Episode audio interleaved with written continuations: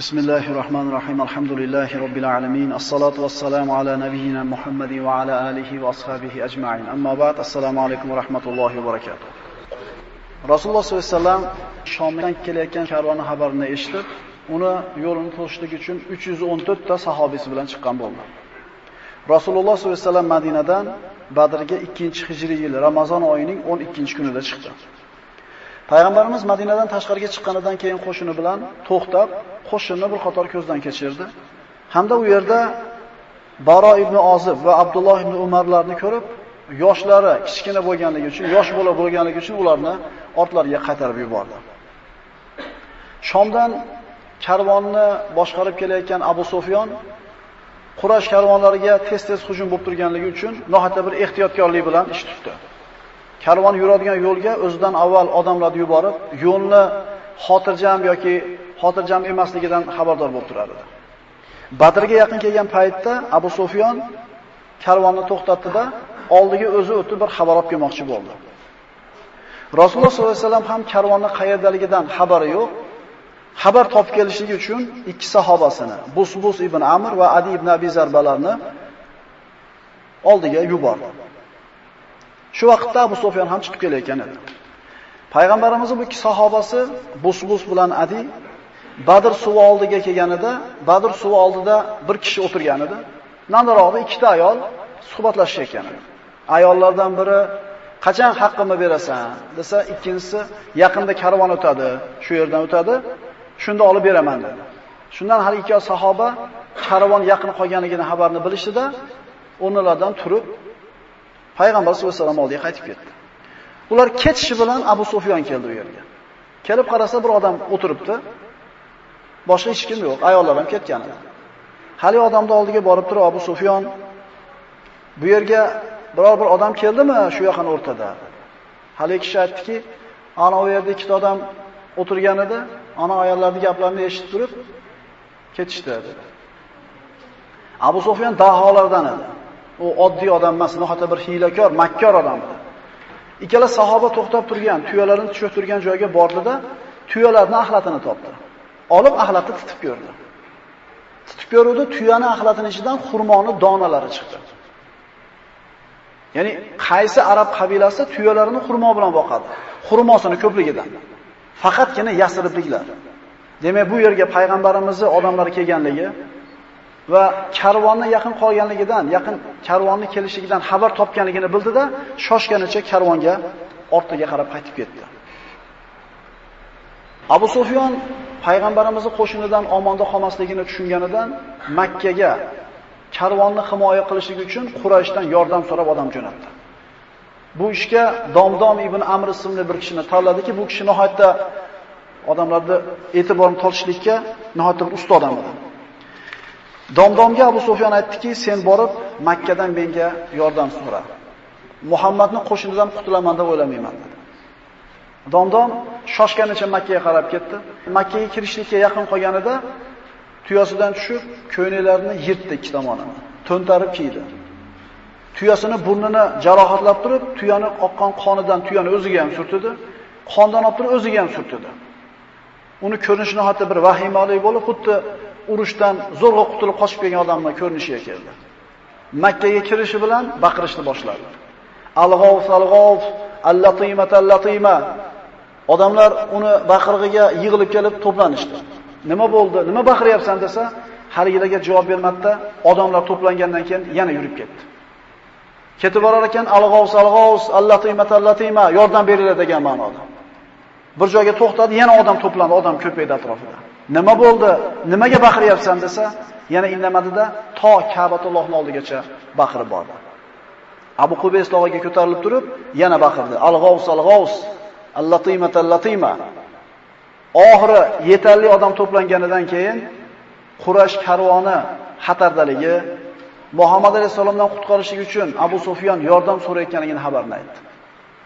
Bu Abu Sufyon boshqarib kelayotgan karvonni boshqa karvonlardan farqi avvalgi karvonlar ma'lum bir Qurayshning sayyid boylarini karvoni bo'lardi. Bitta odamning moli bor.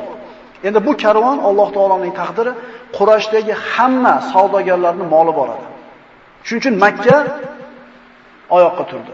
hamma karvonni himoya qilishlikka harakatga tushdi. Badrga chiqmagan Quraysh sayyidlaridan Abu Lahab. Uni chiqmasligining sababi Qurayshning sayyidlaridan biri Abu Lahabdan qarzi bor edi. Abu Lahab unga sen meni o'rnimga chiqdim deb aytsang, ya'ni meni o'rnimga karvon himoyasiga chiqsang, men sendan shu qarzimni kechaman. U rozi bo'ldi. Shu sababli Abu Lahab jangga nimaga karvon himoyasiga chiqmadi.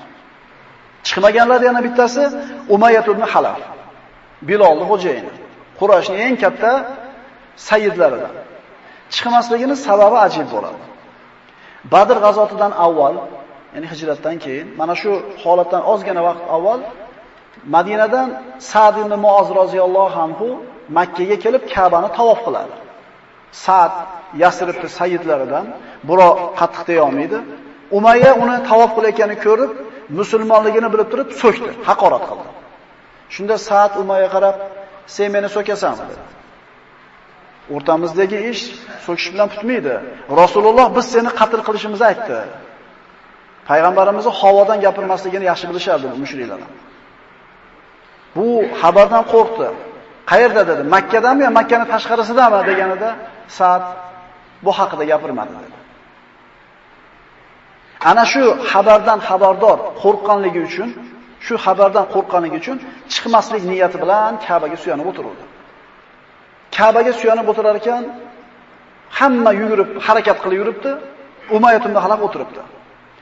Qurashni boshqa sayyidlaridan Uqbat ibn Abi Muayyid qo'liga atir ko'tarib kelib, Umayyani oldi kelib shunday tutdi. "Ey Umayya, mu'atillardan sepib oling" dedi. Chunki siz ayollardansiz dedi. Butun Quraysh katta kichigi karvon himoya qilishga harakat qilib tursa, siz o'tirib olasizmi dedi.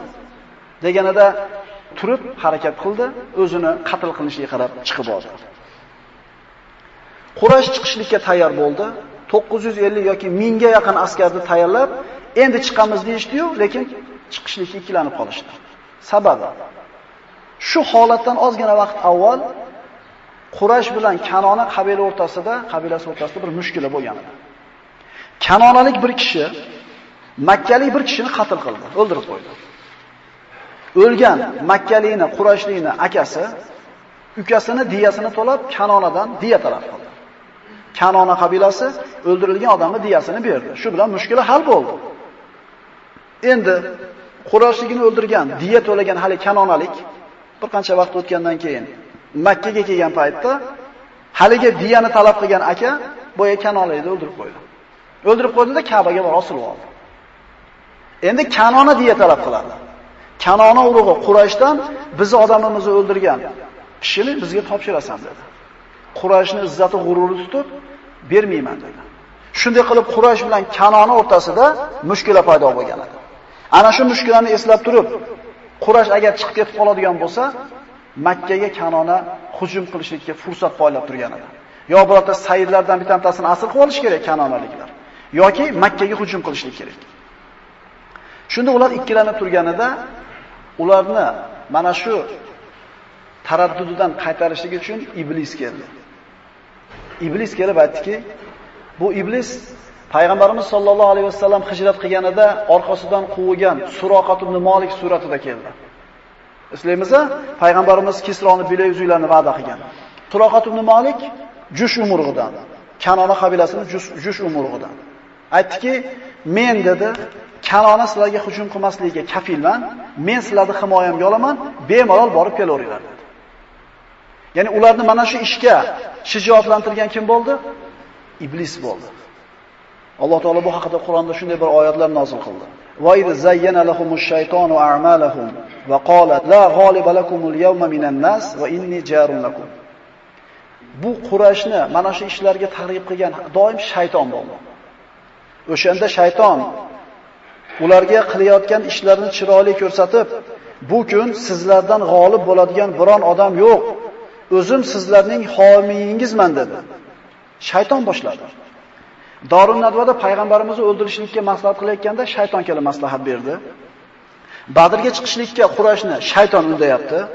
Aqabada payg'ambarimiz ansonlar bilan bay'at berishganida shayton baqirdi.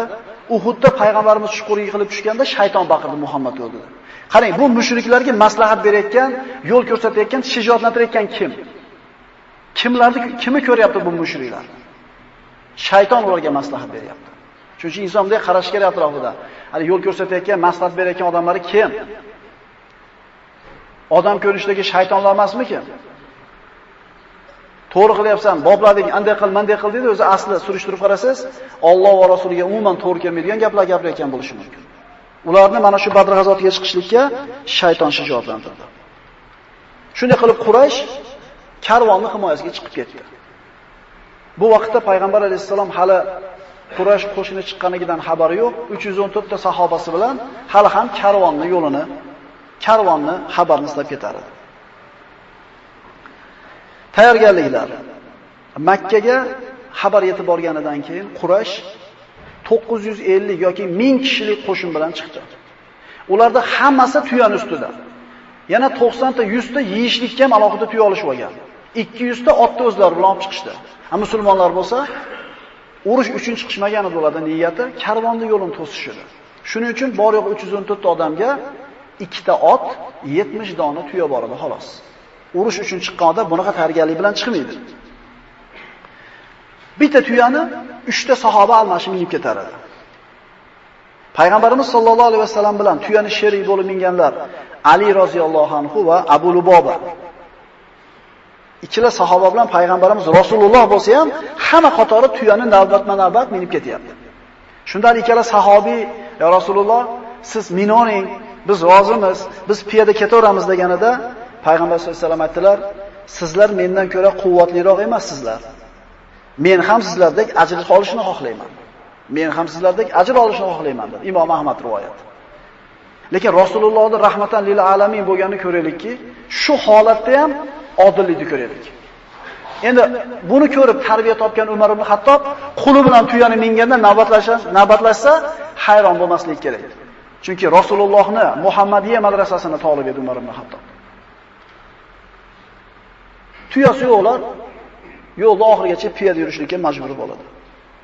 Payg'ambarimiz sollallohu alayhi vasallamga Quraysh qo'shin bilan chiqqanligini xabari vahiy orqali nozil bo'ldi. Shunda payg'ambarimiz sahobalarni jamlab turib, biz karvonni qasd qilib chiqqan edik. Endi Quraysh biz bilan urushgani qo'shin bilan kelyapti ekan. Ortimizga qaytamizmi yoki davom etamizmi? Maslahat beringlar. Ashiru alayya ayuhan nas. Ey odamlar, maslahat beringlar menga. Shunda Abu Bakr Siddiq roziyallohu anhu turib, "Ya Rasululloh, Robbingiz buyrug'iga yuring. Biz siz bilanmiz" dedi. Rasululloh uni gapidan rozi bo'ldi, Abu Bakr o'tirdi. Payg'ambarimiz yana so'ra aytdilar.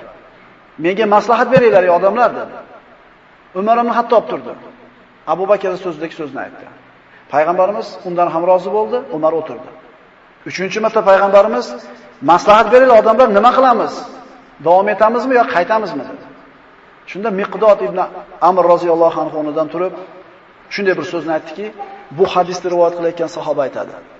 Badr kunida Miqdoddan shunday so'zni eshitdimki, butun dunyoni almashtirardi mana shu so'z meniki bo'lishligi uchun dedi. Nima degani bu? Miqdod roziyallohu anhu turib aytdiki, "Ya Rasululloh, Robbingiz buyrug'iga yuring. Biz sizga Banu Isroil Musoga aytgan so'zni aytmaymiz." Nima deyishgan ular? "Izhab anta va robbuka faqatila inna ha huna qoidun." Ana shu Ilyo Quddus shahri sizlardiki hujum qilaylik, shu shaharni olamiz desa, Banu Isroil aytgan edi. "Ey Muso, sen va Robbing borib urushaveringlar, biz mana o'tirib turamiz" degan. Biz unaqa demaymiz. Balki aytamiz, "Ya Rasululloh, siz va Robbingiz ikkingiz borib urushinglar, bizlar albatta siz bilan birga jang qilamiz" deymiz. Allohga qasam ya Rasululloh, agar siz Birakul G'imatgacha jang qilishga yursangiz, bizlardan birorta kishi ortga qaytmaydi dedi. Bu so'zni azamatini bilishingiz uchun Birakul G'imat nima?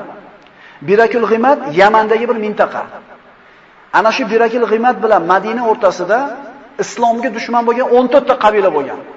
Ya Rasululloh, siz bitta jang emas, 14 ta qabila bilan jangga, hozir jangga kirsangiz, bizdan birortamiz ortimizga qaytmaymiz dedi. Shuning uchun hadis raviysi aytganida, dunyodagi hamma narsani mana shu so'zga almashtiradi degan. Payg'ambarimiz juda xursand bo'ldilar. Miqdod ham o'rniga o'tirdi. Endi yetarli bo'lganga o'xshaydi. Hamma roziga o'xshadi. Lekin payg'ambarimiz 4-marta ashiru alayya yuhannas. Ey odamlar, maslahat beringlar menga. Nima uchun? Nima uchun qaytib-qaytib so'rayapti?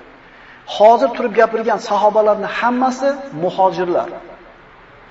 Birinchi marta payg'ambarimiz bilan birga ansorlar ham chiqqan edi. Qo'shinni kattaroq qismi ansorlar edi. Payg'ambarimizda shunday bir o'y bor ediki, ansorlar payg'ambarimizni Madinaga ko'chib keling deganida payg'ambarimiz meni himoya qilasizlar degan. Ular rozi bo'lishgan. Endi biz payg'ambarimizni faqat Madinada himoya qilamiz, Madinaning tashqarisida himoya qilmaymiz degan tushunchasi yo'qmikin ansorlarda payg'ambarimiz qaytib-qaytib so'rayotgan edi. Shunda ansorlarning sayyidi Sa'd ibn Muoz roziyallohu anhu o'rnidan turib, "Ya Rasululloh, siz bizdan ansorlardan kutyapsizmi?" javobni dedi. Payg'ambarimiz ha dedi. Chunki ansorlar indamaganida hali. Sa'd ibn Muoz o'rnidan turib aytdi: "Tahqiq, biz sizga iymon keltirdik, sizni tasdiqladik. Siz olib kelgan narsani haqligiga ishondik. Sizga so'zsiz itoat qilishga ahd berdik, yo Rasululloh. Robbingiz buyurgan ishga yuring. Sizni haq din bilan yuborgan zotga qasamki, agar siz dengizga sho'ng'isangiz, dengizga yursangiz, bizlardan biron kishi ortda qolmay albatta siz bilan birga yuradi. Ertaga dushmanga qarshi biz bilan yo'liqishingizni xohlaymiz. Bizlar jangida sabrlimiz. Shoyat Alloh biz tufayli sizning ko'zingiz quvontiradigan ishni bersa. Ansorlarning itoati xuddi muhojirlarnikiga ekanligini Sa'd namoz ta'kidladi. Bundan payg'ambarimizni yuzlari bir yorishib ketib xursandchilikdan xursand bo'linglar dedi. Alloh menga ikkita g'alabadan bittasini va'da qildi dedi. Yo karvonni olamiz, yo jangda yengamiz dedi. Bu to'rala sahobani gapirgan gapi bir xil chiqdi. Biz nima desangiz yuramiz. Lekin bu to'rala sahobani gapi qolgan hamma 314 ta sahobani fikri emas edi. Ba'zilari urushni xolamas edi. Ba'zilari karvon deyli olib qaysa yaxshi bo'lar edi, urushmasa yaxshi bo'lar degan fikrda edi. Buni Alloh taolo Qur'onda bayon qildi. Insonlarning ichida o'tayotgan narsani Alloh taolo Qur'onda bayon qildi. Va inna fariqon minal mu'minina lakarihun. Xuddi mu'minlardan bir guruhi urushni aniq yomon ko'rib turgan hollarida. Va tawadduna anna ghayra shawkati takunu lakum. O'shanday ey mu'minlar, Alloh ikki toifadan karvon yoki qo'shindan birini sizlar uchun o'lja qilishga va'da bergan edi. Sizlar qurol yaroqsiz toifa, ya'ni karvon o'zingiz uchun bo'lishini istagan edingiz. Lekin farq nimada bo'ldi? Xolamayotganlar ham Alloh va Rasulining buyrug'iga labbay deb javob berdi, inekin Alloh taoloni shundan keyin Alloh taoloning nusratiga haqli bo'ldi. Qo'rquv, dunyo bo'lgan bo'lgan tama bu insonning tabiatida bor kasallar. Sahobalar ham odam bo'lgan. Ular ham qo'rqqan, xavotirda bo'lgan, dunyo tamasida bo'lgan. Lekin farq payg'ambarimiz buyurganda osiy bo'lmadi, shunda Alloh taoloning nusratiga loyiq bo'lishdi. Alloh taolo aytadi: "Ya ayyuhallazina amanu in tansurulloha yansurkum va yusabbit aqdamakum." Ey mu'minlar, agar sizlar Allohga yordam bersangizlar, u zot ham sizlarga yordam berur va jang maydonida qadamlaringizni sobit barqaror qilur. Muhammad surasi. Rasululloh Badrga yaqin kelib, shimolda to'xtadi. Udvatu dunyo. Quraysh esa Badrni janubiga kelib to'xtadi. Udvatul Quswa. Bular hammasi Badr mintaqasida. Abu Sufyan o'zini daholigidan Badrga yurmasdan Badrda aylanib o'tib ketdi. Uchala jamoat kimisi qayerda turganligini bir-biri haqida xabarga ega emas. Musulmonlar shimolda, mushriklar janubda, karvon bo'lsa umuman hech kim bilmaydigan boshqa yo'l bilan o'tib ketgan. Alloh taolay aytadi: "O'shanda sizlar Madinaga yaqinroq tarafda, ular, ya'ni mushriklar, yiroqroq tarafda, otliqlar, ya'ni karvon esa sizlardan quyiroq dengiz sohili bo'ylab ketmoqda edi. Agar mushriklar bilan jang qilish uchun avvaldan va'dalashilganlaringizda biron muayyan vaqtga kelisha olmagan bo'lardingiz. Agar ittifoq qilishganda uchrasha olmasdi bular. Endi bu bu g'azotni Alloh taolo o'zi tadbir qildi. Payg'ambarimiz Qurayshdan xabar topib kelishlik uchun, karvondan xabar topib kelishlik uchun Sa'd ibn Abi Waqqos, Ali ibn Abi Talib hamda Zubayr ibn al-Avvomlarni yubordi. Bu sahobalar Badrga kelishganida Qurash qo'shinidan ikkita bola suv olgani kelganlar. Haligilarni tutib olib kelib, musulmonlar muoskariga qo'yib qo'yishdi. Rasululloh namoz o'qiyotganda bu ikkovini so'roq qilishni boshladi. Sahobalar bu ikkovi boladan so'rayapti. Kimsizlar? Falonchi, falonchi. Qayerdansizlar? Makkadanmiz. Kim bilan keldinglar? Quraysh qo'shini bilan. Aytdiki, sahobalarning ba'zilari karvonda qolyapti. Yo'q, yolg'on gapirishdik. Senlar Abu Sufyonning karvonidansan. Urushni boshlash. Yo'q, Allohga qasam biz Quraysh qo'shini bilan. Oxiri uraverganligidan kaltadan qutulish niyatiga bo'pti dedi. Bo'pti, biz o'sha Quraysh karvondamiz dedi, ini tek qo'yishdi. Shunda Rasululloh sollallohu alayhi vasallam namozini o'qib bo'lganlardan keyin subhanalloh. Sizlarga to'g'risini aytsa urdinglar. Yolg'on gapirsa holi qo'ydilarmi? Bularda bari musulmonlar karvonni umidida ekanligiga bitta dalil hisoblanadi. Abu Sufyon qochib ketdi. Karvon omonda mushriklarni qo'shinni orqa tomoniga o'tib olgan odam jo'natdi. Bo'ldi, karvon qutuldi, qaytaveringlar dedi. Elchi mushriklarning qo'shiniga kelib xabarni aytdi. Endi Quraysh nima uchun kelgan edi bu yerga? Karvonni himoya qilganimi? Karvon qutuldi. Quraysh qo'shini orasida orqaga qaytamiz degan gap tarqadi. Banu Zuhraliklar, Banu Zuhra urug'i biz karvonni himoya qilgani kelgan edik. Karvon qutuldi, qaytamiz dedi, birorta kishi qatnashmadi. Banu Hoshim urug'ini kofirlari ham mol uchun kelgan edi, ular ham qaytishga taraddudga tushdi. Ba'zi kishilar qoldi Banu Hoshimdan. Chunki Banu Hoshim urug'i Qurayshni tashab ketdi degan gap bo'lmasin deb ozgina odam qolganda, ulardan bittasi Abbos ibn Abdul Muttalib ham qolgan edi. Hakim ibn Hizom Quraysh sayyidlaridan Utba ibn Robiya kelib aytdiki: "Ey Utba dedi. Jang qilishlikka nima hojat bor? Mollarimizni qutqarish uchun kelgan edik, mollarimiz omonda. Agar hozir ursak, kim bilan urushamiz? O'zimizni qarindoshlarimiz bilanmi? Ine birimiz, birimiz ikkinchimiz akamiz, ukamizni o'ldirib, Makka ga qaytib borib turib, "Mana meni akamni o'ldirdi, mana meni inimni o'ldirdi" deb yomon ko'ramizmi? Bu jangda bizga hojati yo'q. Buyur, odamlar ortiga qaytsin. Bir yaxshilik qilgin dedi. Utba bu gapga rozi bo'lib, "Ey odamlar" dedi Utba. Mollarimizni qutqarish uchun kelgan edik, mollarimiz omonda. Ortimizga qaytamiz dedi. Shu bilan urush to'xtagan bo'ldi. Odamlar qaytishga harakat qilib qolishdi. Abu Jahl bu narsani xolamasin.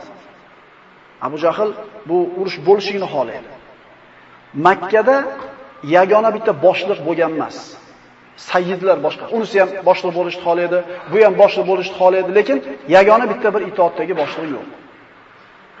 Mana shu fursat odamlar qaytaylikmi, qolaylikmi deb ikkilanayotganda, shunday bir shijoat bilan chiqsam, men boshliq bo'laman deb fursat ekanligini bildida, odamlarga aytdiki, qaytmaymiz dedi. Allohga qasam qaytmaymiz. 3 kun turamiz. Jonli so'yib yeymiz, sharob ichamiz. Butun arab qabilalari Qurayshning qanday izzat, quvvati borligini ko'rib qo'ysin. Qaytmaymiz dedi. Lekin odamlar qaytishdi harakatini ko'rib turib, Abu Jahl Al-Amr al-Hazramiyni chaqirdi. Avvalgi darslarimizda aytdik, Amir al-Hadramiyni o'g'li Amr Hadramiy Abdulloh ibn Jahsh sariyasida nayza bilan otib o'ldirilgan edi. Birinchi islomda qatl qilingan kishi edi, mushriklardan. Abu Jahl aytdiki, "Ey Amir" dedi. "Seni o'g'lingni qasosini olmasdan Quraysh tashab ketyapti, musulmonlar bilan urushmasdan." Dodi hali Amir al-Hadrami noqulay havoga tushib qoldi. Qanday qilib uni o'g'lini qasosini olmasdan qaytishadi? O'zini yerga urilgandek his qildida, qo'shinning o'rtasiga borib yerga o'tirib olib turib, boshiga tuproq sochib, "Voy o'g'lim Amir, voy o'g'lim, seni qasosingni olmasdan tashab ketishyapti Qurayshliklar." Ey Quraysh, agar sizlarni bolanglarni qasosini olish kerak bo'lsa, men sizlarni tashab ketmas edim dedi. Quraysh noqulay ahvolga tushib qoldi. Chunki o'zini urug'idan bo'lgan bir kishini qasosini olmasdan tashlab ketishlik haqiqatdan ularga ayb hisoblanadi. Odamlar ketishga talab qilganlari ham mana shu Abu Jahlning shu qilgan hiylasidan keyin Badrda qolishlikka majbur bo'lishdi. Aqulu qawli hada va astag'firullohi li va lakum. Assalomu alaykum va rahmatullohi va barakatuh.